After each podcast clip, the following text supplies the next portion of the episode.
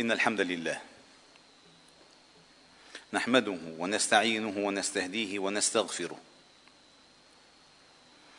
ونعوذ بالله تعالى من شرور أنفسنا وسيئات أعمالنا. من يهده الله فهو المهتد.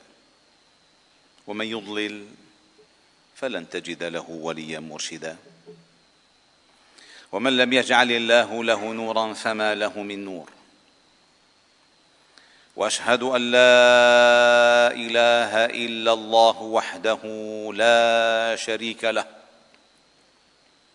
الحكم العدل الرؤوف الرحيم الواحد القهار العزيز ذو انتقام.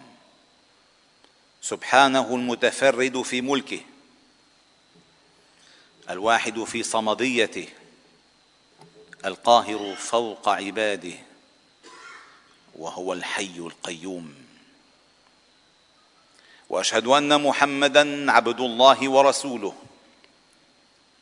وصفيه من خلقه وخليله. بلغ الرسالة وأدى الأمانة ونصح الأمة وعبد الله حتى أتاه اليقين. صلوات ربنا وتسليماته عليه وعلى آله الأطهار وصحابته الأخيار ومن تبعهم بإحسان إلى يوم الدين. يقول ربكم جل جلاله يا أيها الذين آمنوا اتقوا الله حق تقاته ولا تموتن إلا وأنتم مسلمون. يا أيها الذين آمنوا اتقوا الله وقولوا قولا سديدا. يصلح لكم أعمالكم ويغفر لكم ذنوبكم. ومن يطع الله ورسوله فقد فاز فوزا عظيما. ثم أما بعد فإن أصدق الحديث كلام الله تعالى. وأحسن الهدي هدي محمد صلى الله عليه وسلم. وشر الأمور محدثاتها وكل محدثة بدعة وكل بدعة ضلالة وكل ضلالة في النار. عباد الله أيها الأحبة المؤمنون نستأذن معكم سيدنا إبراهيم عليه السلام هذه في هذه الخطبة. وكنا تركناه يواجه قومه وحده. يواجه النار وحده. يواجه النمروذ وحده. يواجه عبدة الكواكب وحده. لذلك الله تعالى عندما تحدث عنه قال إن إبراهيم كان أمة. وإن كان وحده. قانتا لله حنيفا ولم يكن من المشركين. أي الأمة ينبغي كل الأمة أن تقتدي به. فهو يمثل حقيقة إيمان الأمة وحقيقة شعور الإيمان بالأمة وهو المؤشر. فمن أراد أن يقيس إيمانه وتوحيده وثباته ومواجهته فليجعل المؤشر له إبراهيم عليه السلام.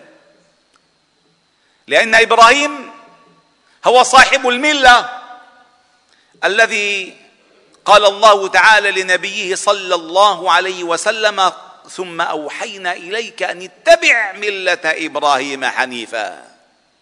وما كان من المشركين. وعندما نسرد القصص قصص الأنبياء وقصص القرآن. القصد من سرد القصة ليس القصة نفسها بل ما نأخذه من العبر. لقد كان في قصصهم عبرة لأولي الألباب. فاقصص القصص لعلهم يتفكرون. والله جل جلاله عندما ذكر قصص الأنبياء ذكر الهدف من ذلك فقال وقل لن نقص عليك من أنباء الرسل ما نثبت به فؤادك وما أحوجنا للثبات عندما تكثر زلات الفتن ومضلات الفتن ما أحوجنا لأن نقتبس من نور النبوة ما نكشف به هذه الظلمات المدلهمة التي نعيشها في هذه الأزمنة. وإبراهيم هو الإمام. إني جاعلك للناس إماما. هو الإمام. هو القدوة. هو صاحب الملة. هو باني البيت. رافع القواعد. وهو الذي نشر التوحيد في الأرض وحده. إبراهيم عليه السلام. قذف في النار فقال حسبي الله ونعم الوكيل. إبراهيم واجه قومه فقال أف لكم ولم تعبدون من دون الله. إبراهيم واجه الأصنام فقال لقومه فإنكم وما كنتم تعبدون أنتم وآباؤكم الأقدمون فإنهم عدو لي إلا رب العالمين. إبراهيم عليه السلام من أراد أن يبني شخصية متميزة متصلة برب البرية فعليه أن يتمثل بإبراهيم. لقد قد كانت لكم أسوة حسنة في إبراهيم والذين معه. هذه الاسوه الحسنة التي يتمثل بها الأنبياء فما ظنكم بالمؤمنين؟ إبراهيم أخرجه الله من النار بقوله للنار كوني بردا وسلاما. ونحن منذ عشر سنوات تماما أراد المجرمون أن يقذفونا في النار. أراد المجرمون المارقون أعداء الحق وأعداء البشر أن ينالوا منا بسوء. فسقط منا من سقط وجرح منا من جرح ولكن القضية بقيت حية في قلوبنا. هذا المسجد مليء وهذا المسجد هو أجدد مما كان وهذه القضايا التي نطرحها ما تنازلنا عنها قيد امله بل والله الذي لا إله إلا هو ازددنا تشبثا بها ويقينا بصدق طرحها. لأن الذي يزعج عدوك هو الحق. والذي يقلق الكفار هو الصدق. أما إذا داهنوك ومالؤوك وسيروك ولولا أن ثبتناك لقد كدت تركن إليهم شيئا قليلا. وإن كادوا ليفتنونك عن الذي أوحينا إليك لتفتري علينا غيره واذا لاتخذوك خليلا. فهذه شهادة منهم لنا وشهادة صدق من الله تعالى بنا أننا لن ولم ولا نتغير. والله تعالى أسأل لي ولكم أن نكون ممن شملهم.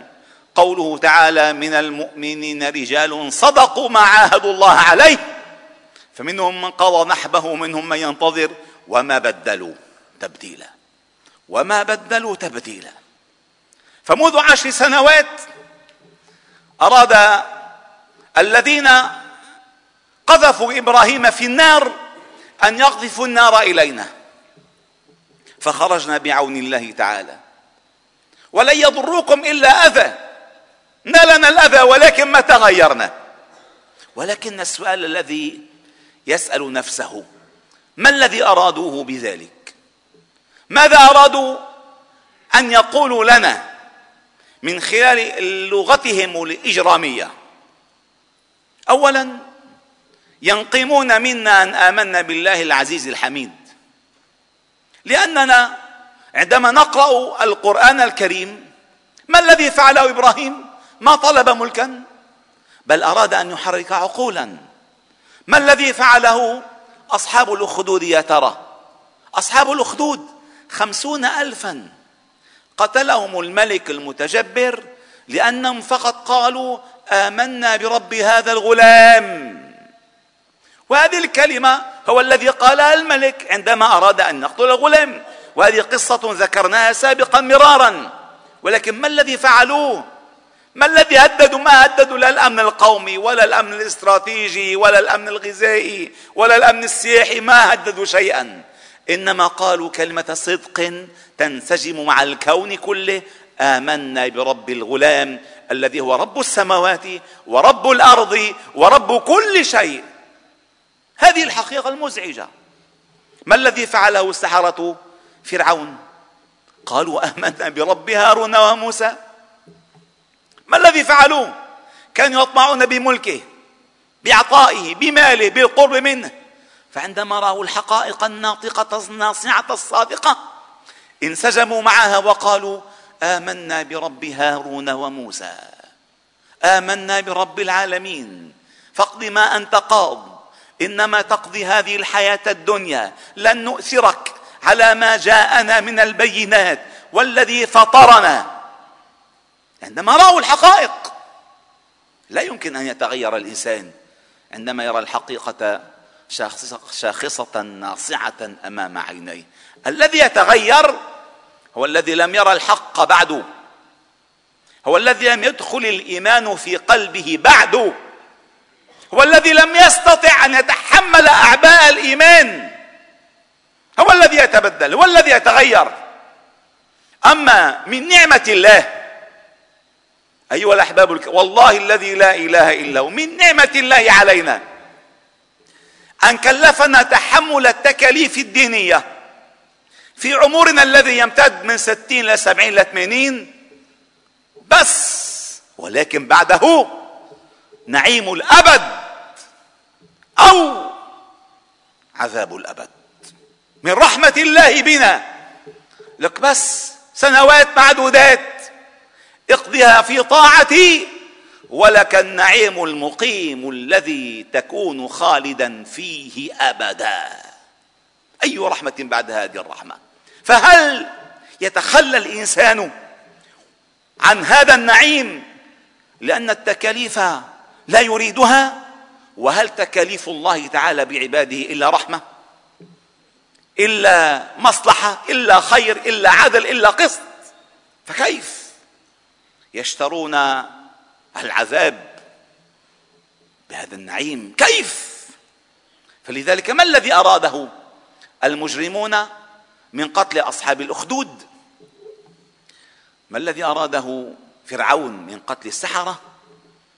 ما الذي أراده قوم إبراهيم من قذفه في النار؟ هو نفسه! ما أراده هؤلاء بتفجير المسجدين. وعندما نعلم عدل عمر عدل عمر الذي غاب عدل عمر غاب عن كثيرين ممن ينتسبون زورا إلى عمر. عندما وصله خبر قصة حصلت في اليمن ما الذي حصل في اليمن؟ تمالأ رجل مع عشيقته على قتل وليدها حتى لا يفضحهم فتمالأ معها حتى يقتله وتعاون معه خادم ورجل. وقيل سبعة.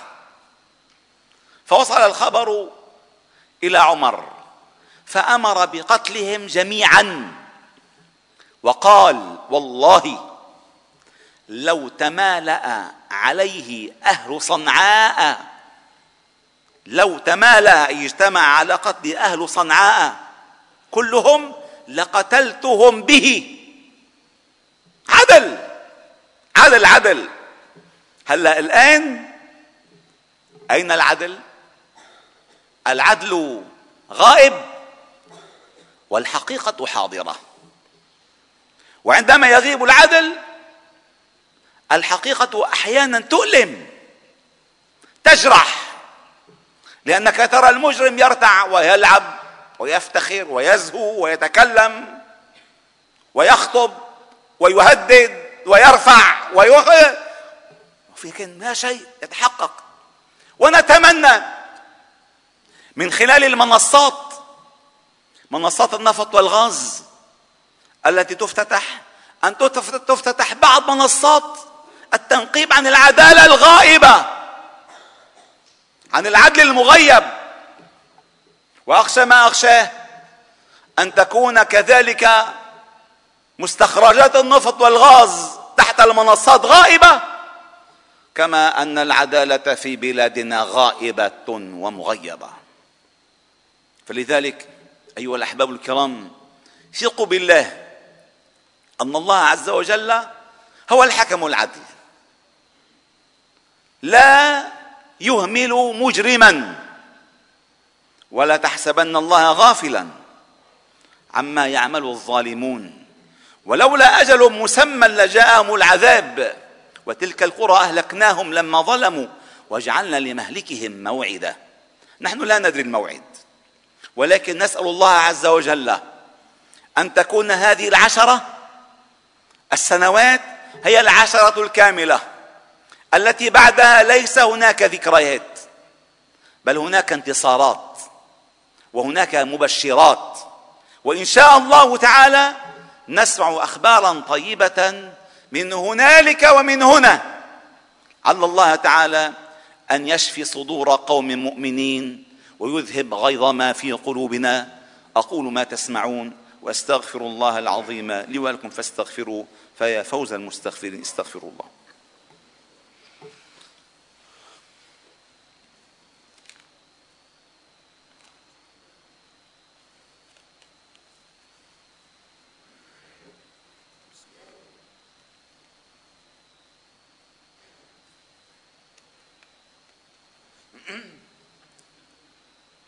الحمد لله وكفى. وسلام على عباده الذين اصطفى. وأشهد أن لا إله إلا الله وحده. نصر عبده وصدق وعده وأعز جنده. وهزم الأحزاب وحده. لا شيء قبله ولا شيء بعده. ولا نعبد إلا إياه. مخلصين له الدين ولو كره الكافرون. وأشهد أن محمدا عبد الله ورسوله. وصفيه من خلقه وخليله. بلغ الرسالة وأدى الأمانة ونصح الأمة. وعبد الله حتى أتاه اليقين صلوات ربنا وتسليماته عليه وعلى آله الأطهار وصحابته الأخيار ومن تبعهم بإحسان إلى يوم الدين.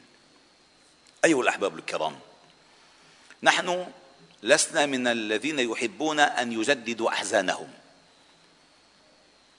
ولسنا من الذين يحبون أن يؤسروا بالحدث.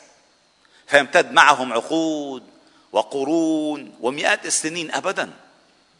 بل نحن أمة متجددة.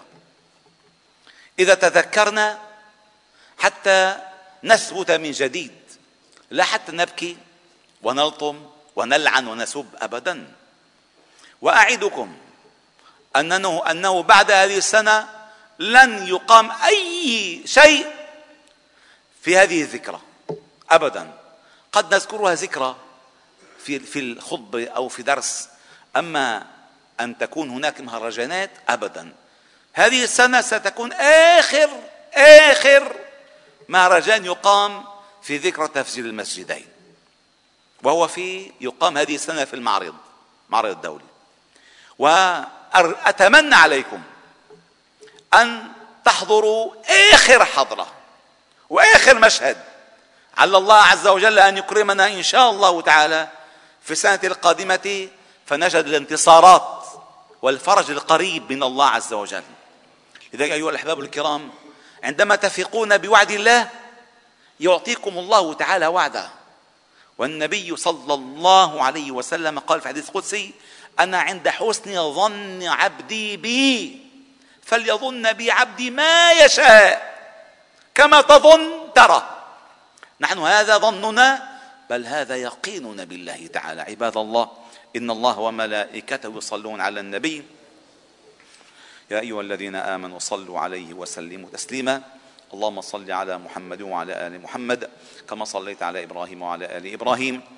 وبارك على محمد وعلى آل محمد كما باركت على إبراهيم وعلى آل إبراهيم في العالمين إنك حميد مجيد. وارض اللهم عن الخلفاء الراشدين والصحابة والتابعين ومن تابعهم بإحسان إلى يوم الدين. وعنا معهم برحمتك يا أرحم الراحمين. اللهم ارحمنا فإنك بنا راحم ولا تعذبنا فإنك علينا قادر ولا تسلط علينا بذنوبنا من لا يخافك ولا يرحمنا. يا حي يا قيوم برحمتك نستغيث أصلح لنا شأننا كله ولا تكلنا إلى أنفسنا طرفة عين ولا أقل ولا أكثر. إلهنا مولانا أنت رب العالمين. اللهم اهدنا واهد بنا واجعلنا سببا لمن اهتدى. اجعل اللهم هداة مهتدين غير ضالين ولا مضلين سلما لأوليائك وحربا على أعدائك. نحب بحبك من أحبك ونعادي بعداوتك من خالف أمرك. اللهم اهدي شبابنا اللهم اهدي رجالنا اللهم اهدي شاباتنا اللهم اهدي نساءنا اللهم اهدي أبناءنا وبناتنا اللهم اهدي إخواننا وأخواتنا اللهم اهدي أمهاتنا وآباءنا. ربنا ارحمهما كما ربيانا صغارا. اللهم اهد علماءنا لقول الحق واهد ولاة أمورنا للحكم بالحق واهدنا بهداك ولا تكلنا إلى سواك. اللهم أحسن عاقبتنا في الأمور كلها وأجرنا من خزي الدنيا وعذاب الآخرة. اللهم أرنا في أعدائك يوما أسودا يشفى فيه صدور قوم مؤمنين. اللهم إنا نسألك عدلك اللهم إنا نسألك انتقامك. اللهم إنا نسألك سطوتك وسخطك عليهم يا رب العالمين. اللهم إنهم بغوا علينا. اللهم ثبت الأقدام ان لاقينا اللهم إنا نسألك ثباتا في الدين. اللهم إنا نسألك ثباتا في الدين وعزيمة في الرشد ويقينا في اليقين. اللهم يا رب العالمين أصلح لنا ديننا الذي هو عصمة أمرنا وأصلح لنا دنيانا التي فيها معاشنا. واصلح لنا آخرتنا التي إليها معادنا واجعل الحياة زيادة لنا في كل خير واجعل الموت راحة لنا من كل شر. اللهم استر عوراتنا اللهم آمن روعاتنا اللهم احفظنا من بين أيدينا ومن خلفنا وعن أيماننا وعن شمائلنا ومن فوقنا ونعوذ بعظمتك أن نغتال من تحتنا. اللهم اجعل هذا البلد سخاء رخاء حفظا وأمنا بحفظك وأمنك. فإنك أنت الله خير حافظا وأنت أرحم الراحمين. اغفر اللهم لنا ولوالدينا ولمن علمنا وللمسلمين في مشارق الأرض ومغاربها. سبحان ربك رب العزة عما يصفون وسلام على المرسلين والحمد لله رب العالمين.